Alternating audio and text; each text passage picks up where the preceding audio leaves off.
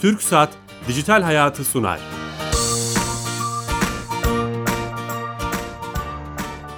Herkese merhaba. Ben Bilal Eren. Teknoloji ve dijitalleşmenin hayatlarımızı etkilediğini konu edindiğimiz Dijital Hayat programımıza hoş geldiniz.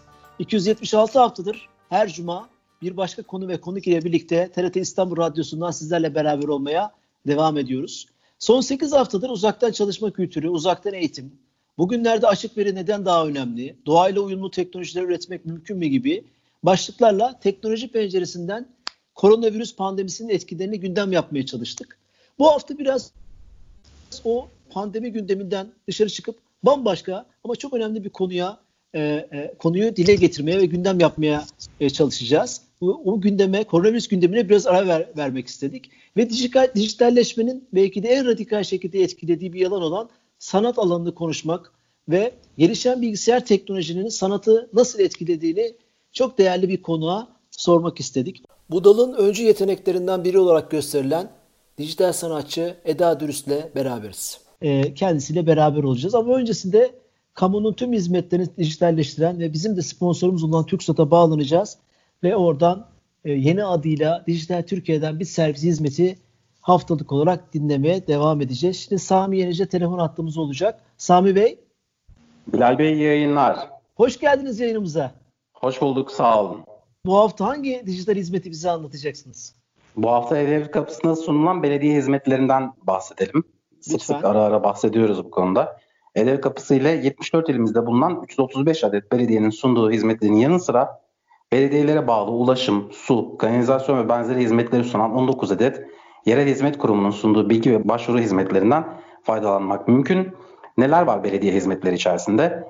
Beyan bilgileri, sicil bilgileri, tahakkuk, tahsilat, imar durumu, öneri, başvuru gibi pek çok hizmeti sunmaktalar belediyeler E-Devlet kapısında. Her hafta hatırlatıyoruz. Önemli bir konu. Ee, E-Devlet kapısının sosyal medya hesaplarından takip edebileceklerini de hatırlatalım dinleyicilerimize. Facebook ve Instagram'da E-Devlet kapısı, Twitter'da e-kapı hesaplarıyla güvenli ve doğru bilgiye erişebilirsiniz. Harika. Bugün koronalı günlerde en fazla başvurduğumuz ana kaynaklardan da biri oldunuz. Tüm emeklerinize sağlık. Teşekkür ederiz. Ben teşekkür ederim. İyi yayınlar diliyorum. Teşekkür ederiz. Evet, Türk TürkSat'a bağlandık ve bir dijital hizmeti kendilerinden dinlemiş olduk. Yeni katılan dinleyicilerimiz vardır. Radikal olarak değiştiğine inandığımız bir alanı, sanat alanını konuşacağız. Koronavirüs gündeminden uzaklaşarak birazcık ve çok değerli bir konuğumuz var. Dijital sanatçı Eda Dürüst bizimle. Eda Hanım hoş geldiniz. Merhabalar Bilal Bey, nasılsınız? Teşekkürler. Sizler nasılsınız? Ben deyim. Çok teşekkür ederim.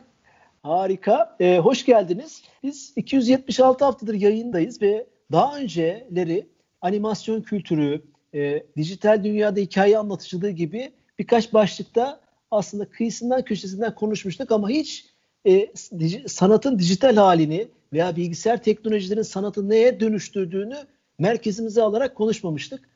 5 e, sene sonra sizinle konuşmamız gerekiyormuş. Dolayısıyla hoş geldiniz. Sizi kısaca tanıyalım mı dinleyicilerimiz için? Ee, tabii ki de ben 91 doğumluyum. Yaklaşık yani yaklaşık demeyeyim hatta senelerdir bu işin içindeyim. 2009'da liseden mezun olup İngiltere, Londra'da okumaya gittim sanat üzerine. Orada eğitimimi grafik tasarım, sonra onun üzerine moving image dedikleri aslında daha çok video bölümünü okudum.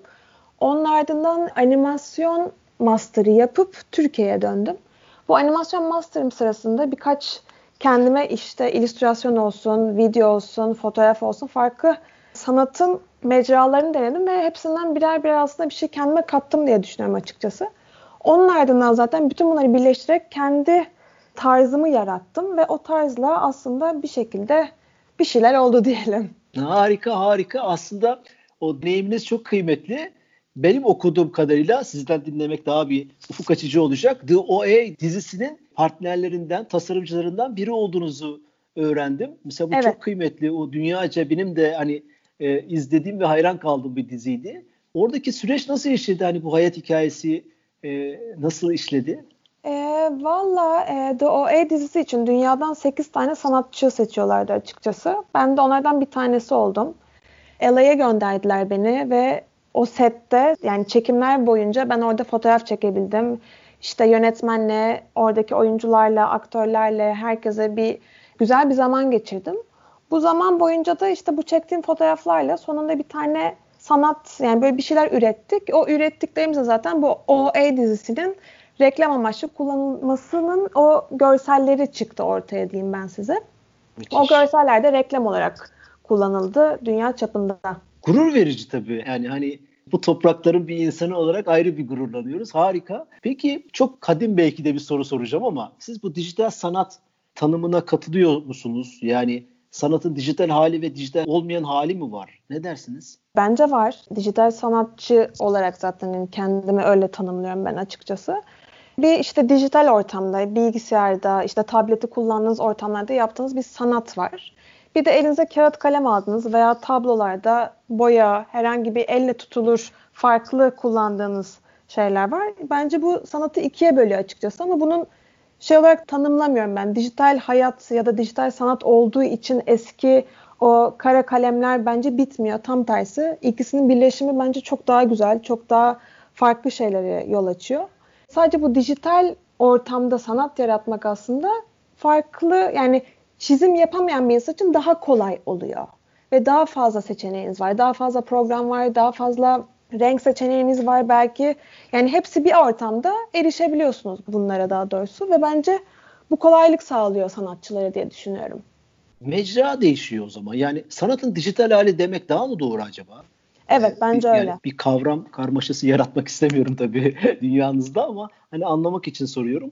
O zaman bilgisayar teknolojileri değiştikçe, geliştikçe yarın başka bir örneğin sanal gerçeklik gözlükleriyle veya başka bir hologram teknolojileriyle bir şey yapılırsa sanat dolayısıyla mecra değişmiş olacak. O da dönüşmüş olacak. Doğru mu anlıyorum? Evet evet yani zaten öyle programlar başladı. Daha böyle üç boyutlu mekanlarda tablolarınızı çizip internette doğrusu programlarda çizip onu o üç boyutlu mekana yükleyebiliyorsunuz. Hani böyle zaten yeni yeni programlar da çıkmaya başladı ve çıkmaya da devam edecektir diye düşünüyorum teknoloji geliştikçe sanatın farklı şekillerini göreceğiz bence. Peki bu içinde kendi içinde kırılımları var mı? Mesela WebArt diye bir şey gözüme çarpmıştı. İşte bu ara yapay zeka ile ilgili yapay zeka sanatı diye bir şey çıkıyor. Bilmiyorum bunların kendi içinde çeşitleri, disiplinleri var mı? Yani bence var ama zaten dijital sanat dediğiniz bunların hepsini kavrayan bir şey. Hepsi yani şey gibi düşünün. Sanat dediğinizde resim geliyor. İşte atölyelerde yapılan heykeller olsun. Hani farklı farklı Plastik tarzlar var. vesaire. Aynen.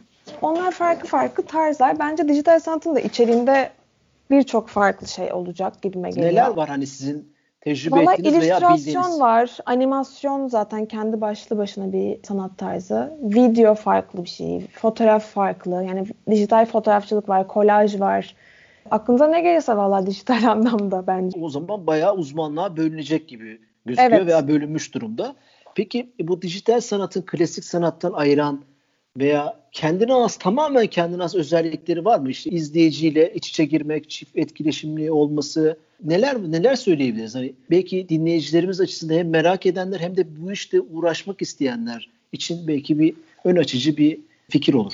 Yani bence sanat dediğiniz zaten hani tabii ki de şey hem dijitali var hem daha işte elle yapılanı var, o su var, bu su var. Farklı farklı tarzları var sanatın ama e, dijitalin bence bir fazla avantajı bazı şeyleri daha hızlı yapabilmeniz. İşte yapıştır, kes, yapıştır oraya, onu çiz, e, hemen işte bir başlık atmak. Hani bunların hepsini bir arada toplandığı için daha hızlı ve daha şey bir şekilde gelişiyor bence dijital sanat. Kolay bir şekilde geliştiğini düşünüyorum ben açıkçası. Hani ben e, dijital sanat içinde yaklaşık 10 belki 20 senedir içinde olduğum için kendini insan daha da hızlı geliştirebiliyor bu arada. Yani bilmiyorum. Hani bence tamamen o sanatçıya kalmış bir şey esasında. Bazı şeyleri dijital olarak tabii internet üzerinden veya YouTube'dan videolarını izliyorum. Sizin meslektaşlarınızın. E, interaktif etkileşim içeren ürünler, fikirler, inovatif şeyler çıkarmış görüyorlar. İşte insan mesela bir ayna karşısında kollarını hareket ettirirken aynanın öbür tarafında kanatları olan birisi ellerini hareket ettiriyormuş gibi. Bilmiyorum doğru mu ifade edebildim. Ama normal klasik sanatlarda bu etkileşim mümkün değil. Bu tespitim doğru mu veya yanlış mı ne dersiniz? Valla bence çok doğru değil Bilal Bey. Çünkü tabii ki de hani siz dijital sanata baktığınızda hani etkileşim birebir bek yani bir beklentiniz oluyor. Hani şey anlamında video olsun, işte bu bahsettiğiniz kanatlar olsun vesaire. Ama bence tamamen sanat aslında insanda O bir his bence. Bunu gördüğünde bir tablo olsun. O tabloyu gördüğünde o verilen ya da hissettiğiniz bir hissiyat. Yani ondan o etkileşim bence sadece görsel olarak değil, o bir hissel olarak da çıkıyor gibi geliyor bana. Bir ben sanatçı ancak böyle cevap verebilirdi zaten. Bence çok güzel bir cevap oldu. Çünkü sanatçı etkileşimi başka türlü de verebilir dediğiniz gibi. Bir heykele bakarsınız bambaşka bir şey hissedersiniz. Tabii ki. Doğru doğru. Yani, yani bir eski bir Dali'nin tablosuna baktığınızda o sürrealizmi gördüğünüzde bence bambaşka bir şey hissettiriyor tabii ki de. Ama siz bunu dijital bir ortamda bir GIF ya da bir video haline görünce bambaşka bir şey. Bu tamamen hissel bir şey. Yani etkileşimi sadece görsel açıdan gözünüzün sağdan sola gitmesin olarak tanımlamamak lazım. Ya da size o sırada Doğru. bir aktif bir şey olduğu için tanımlamamak lazım. Doğru. O zaman şu, bu ayrım kesinlikle yanlış. Yani dijital sanatta klasik sanatın veya dijital olmayan sanatın arasında etkileşim farkı vardır demek tamamen yanlış bir evet. çıkarım oluyor. Yani etkileşim bence tamamen hissiyat üzerine kurulu sanatta. Etkileşim farkı bence her sanattan, her sanat, her tablodan, her kağıttan hepsi birbirinden farklı olduğu için her bir şeye baktığınızda zaten farklı bir şey hissediyorsunuz. Onun her biri hakkında farklı bir etkileşim var zaten. Ama bunu kategorize etmek bence yanlış. Dijital ve işte daha kağıttan ya da işte heykel sanat olarak şey yaptığınızda. O zaman buradan güzel bir sonuç çıktı. Peki başka bir tartışma konusu belki dijital sanatla uğraşanların klasik sanata göre estetik kaygıları daha da farklıdır. Yoktur demiyorlar ama farklıdır. Bu tartışmaya ne dersiniz? Özellikleri arasında bunu sayabilir miyiz? Bence bu tamamen sanatçının kişiliğiyle alakalı ya da vizyonuyla ya da yarattığı şeyle. Yani ben daha önce çünkü ben de kara kalem çiziyordum üniversiteden önce veya işte daha eski teknik işte kolaj yapacaksam kağıtları kesip üst üste yapıştırıp hani daha farklı yöntemlerle yapıyordum bunları dijital sanata geçmeden önce ama tamamen bu söylediğiniz şey sanatçıyla alakası var bence. İşte ben mesela çok detaycı bir insanım. Detaycı olduğum için işte bunu kağıdın üzerinde de yapsam, dijital bir ortamda da yapsam o noktaya takılacağım yüzde yüz. Ondan hani o dijital sanatta daha detaycı olmak bence çok şey değil. Alakalı değil. O tamamen sanatçıya bağlı diye düşünüyorum ben. Estetik kaygıları da sanat ve sanatçıya bağlı. Evet. Yapılan işe bağlı. Kesinlikle e, öyle bence. Diyorsunuz. Evet.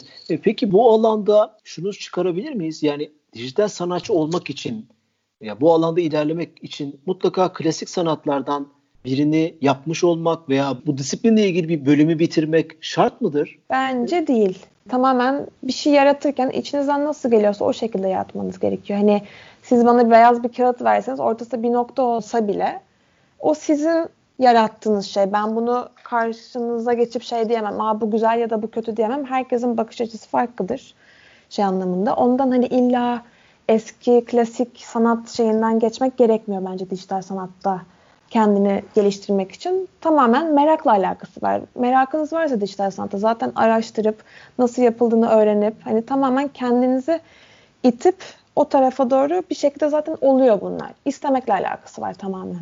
Yaratıcılığın okulu yok yani diyorsunuz bir yok, anlamda. Yok bence hiç yok. Peki e, sizin kendi kişisel maceranızda e, animasyon yüksek lisansı yaptınız bildiğim evet. kadarıyla. Buraya giden süreçte e, animasyon da çok çok teknik şeyleri de bilmeniz gereken bilgisayar teknolojilerinde bir sürü program bilmeniz lazım. O donanımlara hakim olmanız lazım. Biraz teknik tarafı da olan bir iş. Değil mi bu dijital sanatla uğraşmanın evet, evet. bir, yani bir size yanı. şöyle söyleyeyim Bilal Bey. Ben ne kadar fazla dijital sanat yaparsam yapayım animasyonda da o kadar iki boyutlu yapmak istedim ve hiçbir zaman üç boyutlu animasyon yapmak istemedim Öyle ve yapmadım. Mi? Evet. İşte dediğim gibi o biraz sanatçının zevkine ve şeyine kalmış bir şey. Ben bir dönem Maya programıyla uğraşmıştım.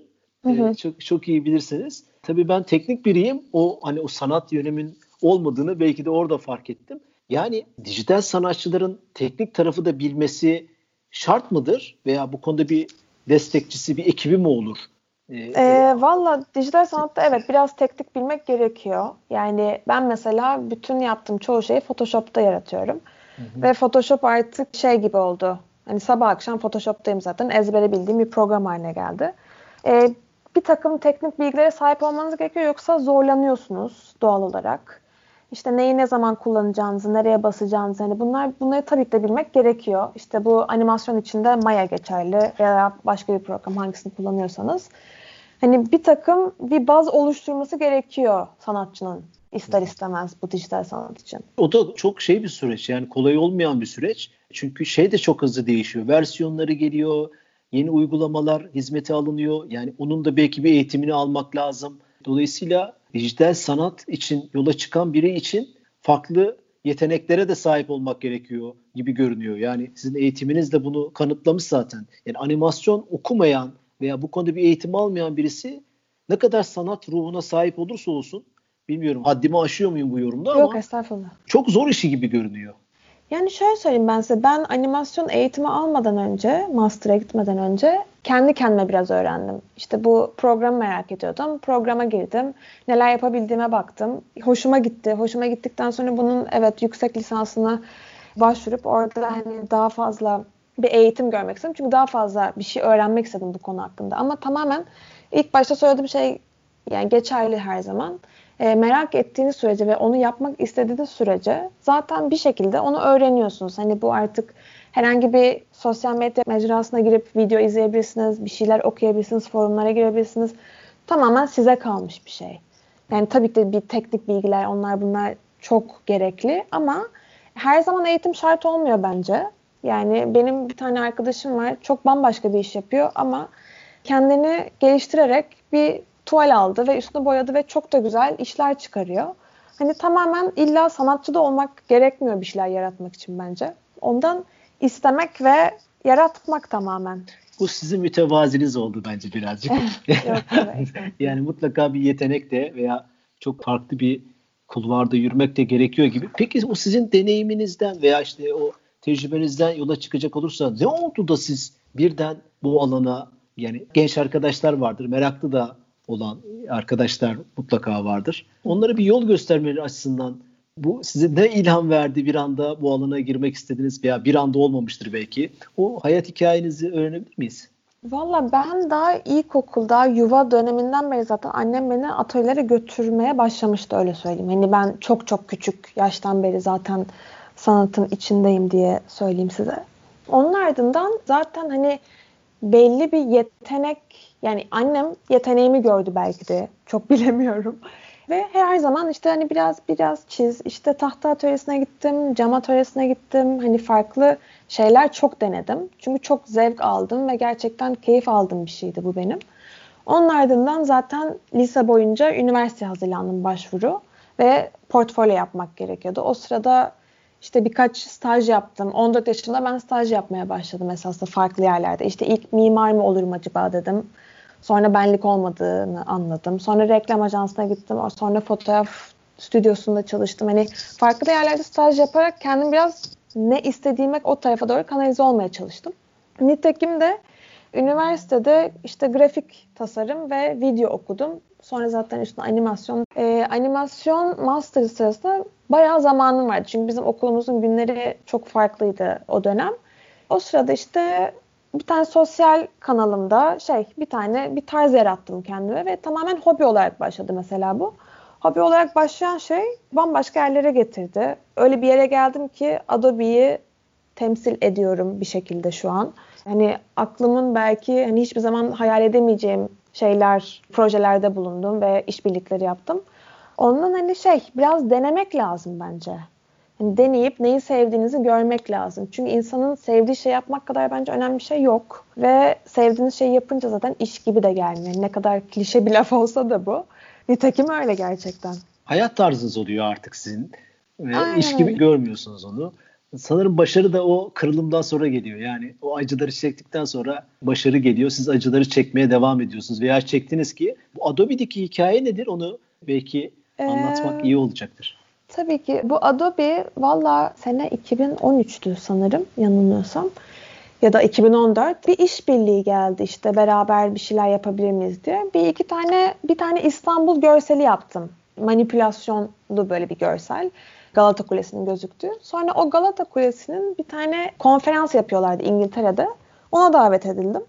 Nitekim oraya gittim de bütün her yerde size öyle söyleyeyim konferans odasında Galata Kulesi'nin resmi vardı benim yaptığım. Ve o şekilde Adobe ile bizim bir iletişimimiz başladı. Onlardan bir tane daha işbirliği yaptım. Onlardan bir tane daha işbirliği derken Adobe beni şey bünyesine aldı. Influencer diyeyim size. Onların birkaç böyle dünyada onları temsil eden sanatçılar var. Ben de onlardan bir tanesiyim. İngiltere'ye bağlıyım ben. İngiltere'deki eğitim sürecinde onlarla beraber birkaç proje dahilinde olduğum için bu şekilde devam ediyor. Şimdi işte birkaç yayın yapacağız yine onlarla da. İşte güzel yani hani. Harika. Hiç Evet. bilmeyenler için dünyanın en büyük grafik medya yazılımları üreten şirket olarak tanıtabiliriz herhalde. Evet, e, evet. Çalıştığımız şirketi dolayısıyla çok önemli bir birliktelik. Türkiye'de dijital sanat anlamında iyi bir ülke mi? İşte eğitim anlamında, topluluk ve ekosistem anlamında yoksa eksikler neler? Bir ülke fotoğrafı çekecek olursak ne düşünüyorsunuz? Valla ben Türkiye'de dijital sanat eğitimi görmediğim için bu konu hakkında çok yorumda bulunamam açıkçası. Hani yanlış bir şey söylemek istemiyorum çünkü hani hiçbir bilgim olmadığı için dijital sanat eğitimi hakkında Türkiye'deki. Ancak dijital sanat şey bir şey değil. Türkiye ile ya da bulunduğunuz ülkeyle alakalı olan bir şey değil bence. Tamamen yarattığınız şeyler size sizden geliyor zaten. Nereden ilham aldığınıza bağlı. Ben genelde etrafımdaki olan olaylar ya da işte insanlar, kişiler, objelerden ilham alıyorum. Bence ülkeyle alakası yok. Yani dijital sanatın Türkiye'deki haline çok yorumda bulunamayacağım açıkçası. çıkan ürünleri tüm dünyayı gösterebildiğiniz için tüm mecralar vasıtasıyla sınırları aşmış. Aynen öyle. O Bence anlamda, öyle. O anlamda Evet. söylüyorsunuz. Ben de şu anlamda sormak istedim aslında. Burada bu konuya meraklı bir genç diyelim bir eğitim aldı veya eğitim olmadı. Bir konu ile şey olması için hani güçlenebilmesi için mutlaka ekosisteminin burada dijital bu konulara gönül vermiş, bu konularda dertlenmiş insanların olması, bu konuda sivil toplum örgütlerinin, derneklerin, ne bileyim öğrencilerin oluşturduğu veya iş insanların oluşturduğu topluluklar. Hiç Türkiye'de böyle topluluklar var mı? Örneğin ben böyle bir topluluğun içine girsem dijitalde veya gerçek hayatta yani Hı hı. fikir tartışması yapabileceğim, ortak projelerde belki gönüllülük esasına göre çalışabileceğim, ajanslar da olabilir. İş bulabileceğim, para kazanabileceğim bir ekosistemden bahsettim aslında. Valla açıkçası Bilal Bey ben ilk e, İngiltere'den mezun olup İstanbul'a geri döndüğümde bunun bir eksikliğini yaşadım. Çünkü işte üniversite hayatı boyunca etrafınızda herkes sanatçı. Çünkü işte sanat okulundan Doğru. okuluna gittiğimde işte biri mimar olabilir, diğeri heykeltıraş olabilir, diğeri işte herhangi bir sanat şeyinden, bölümünden ama herkes sonuçta bir birlik olup işte ben orada grafik tasarımla alakalı da video ile alakalı bir şey yapsam bile mimar bir sanat yani ya da işte sanatçı başka bir sanatçı gelip bana orada bir yorumda bulunabiliyordu.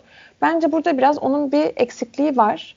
Ama bunun eksikliğini çeken de zaten esasında öğrenciler veya işte sanatçılar varsa bence bunu onlar yaratmalılar. Yani bu eksikliği onlar tamamlayacaklar zaten. Böyle bir eksiklik varsa da kesinlikle birinin artık hani belki de evet böyle bir eksiklik var. Bunu ben kuracağım ve yaratacağım demesi gerekiyordur diye düşünüyorum. Siz yapar mısınız acaba bu işi? Siz öyle bir şey öncülük eder misiniz? Vallahi yalan söylemeyeyim. Ee, bu ara benim biraz fazla bir projelerim var ondan. ya Yani liderlik etmek yok çok önemli ya. istemiyorum ama ya tabii ki de isterim böyle bir ortamda bulunmak. Sizin mesela ben Twitter hesabınızı bulamadım. Baktım Yok. Instagram'da hesabınızı buldum. Mesela acaba bu liderliği sadece böyle bir dernek kurarak bir STK değil, sosyal medya üzerinde bile fikirlerinizi paylaşarak hani bir kanaat önderi. Gençler size bakarak ya ne güzel işler yapıyor deyip hani o etkileşimi sağlamak bile bir liderliktir ya bence. Ben öyle görüyorum Evet. en azından. Ya mutlaka o yüzden acaba Twitter hesabı açtırabilir miyiz size? Ben yani şöyle söyleyeyim Bilal Bey ben çok utangaç bir insanımdır. Çok da aynı yerde bulunmam açık ve net konuşmak gerekirse. Twitter çok benlik değil. Şöyle değil hani ben daha görsel bir insan olduğum için Instagram bana ondan daha çok hitap Orada ama Çünkü- fikirlerinizi yazmamışsınız. Portfolyo gibi kullanıyorsunuz orayı gördüğüm E, kadarıyla. portfolyo gibi ama işte daha detaylı bakarsanız aslında düşüncelerimi daha çok görsele vuruyorum. Yani tamamen işte o sırada dünyada bir şey oluyordur. Onu resmedip koyuyorum oraya ya da herhangi bir fikir ya da herhangi bir düşünce diyeyim ben size. Ondan daha görsel bir insan olduğu için Twitter değil de daha çok Instagram'dayım ben. Belki bir blog olabilir böyle fikirlerinizi yazabileceğiniz. Yani gençler çünkü bu tip şeylere çok hani bir kanaat önderi gibi bakıyorlar ve örnek alıyorlar. Bu anlamda hani siz de çok güzel bir örnek olabilirsiniz. Evet evet yok Ee, kesinlikle. Yani ben de çok isterim ama işte insan bazen nereden başlayacağını bilemez. Bence o da böyle bir şey gibi geliyor bana. O zaman şöyle bağlayabiliriz. Sizi nasıl ulaşabilir ulaşmak isteyenler? Portfolyonuza, sizinle beraber çalışmak isteyenler, web siteniz mi var? Hani biraz onlardan kısaca bahsedelim mi? Benim bir web sitem var edadürüst.com veya Instagram'dan bana direkt mesaj atarlarsa ben zaten hepsini genellikle görüp tekrar tekrar cevap veriyorum hepsine. Bana direkt oradan ulaşabilirler. Evet harika bir söyleşi oldu ama programın sonuna geldik. Siz Türkiye'de mi olacaksınız yoksa dönecek ben misiniz İngiltere'ye? Harika. Peki hiç böyle heyecan verici Dua dizisi gibi bir bizimle paylaşabileceğiniz bir proje var mı yakında? Valla önümüzde Bilal Bey Adobe ile bir projem olacak. Haziran'ın birinde sanırım yayınlanma ihtimali var. Şu anlık ona kanalize olmuş vaziyetteyim. Ee, odak noktam orada. Onun dışında bir dizi ya da bir filmin şeyleri yok. Bir arkadaşımla aynı zamanda eski filmlerin işte böyle daha yeni posterlerini yapıyoruz. Öyle Aa, söyleyeyim çok size. güzel. Hem her gün dizi ve film önerisi yapıp bir de bu yaratıcılığı ateşini söndürmek istemedik bu koronavirüs zamanında. Ondan her gün bir eski film seçip onun yeni halini posterini yapıp onu paylaşıyoruz. Instagram sayfanızdan değil mi? Onu Pongtum diye bir hesap tamamen farklı bir şey olarak hesap açtık orada yayın olarak. Oradan paylaşıyoruz. Harika. Çok mutlu olduk bu yoğunluğun arasında bizi araya sıkıştırdınız ve konuğumuz oldunuz. Şeref verdiniz. Çok teşekkür ederim. Ben çok mutlu oldum esas. Beni dahil ettiğiniz için bu güzel söyleşiye. Harika. Tüm çalışmanızda başarılar, ilhamlar ve yaratıcı işler başarmanız dileğiyle teşekkür ediyoruz tekrar. Çok teşekkür ederiz. Evet, çok değerli bir konukla beraberdik. Kendisiyle dijital sanatı ve yaratıcılığı, ilhamı konuştuk. Dijital sanatçı Eda Dürüst'le beraberdik. Haftaya yeni bir konu ve yeni bir konukla beraber olacağız. İyi hafta sonları, hoşçakalın, sağlıcakla kalın.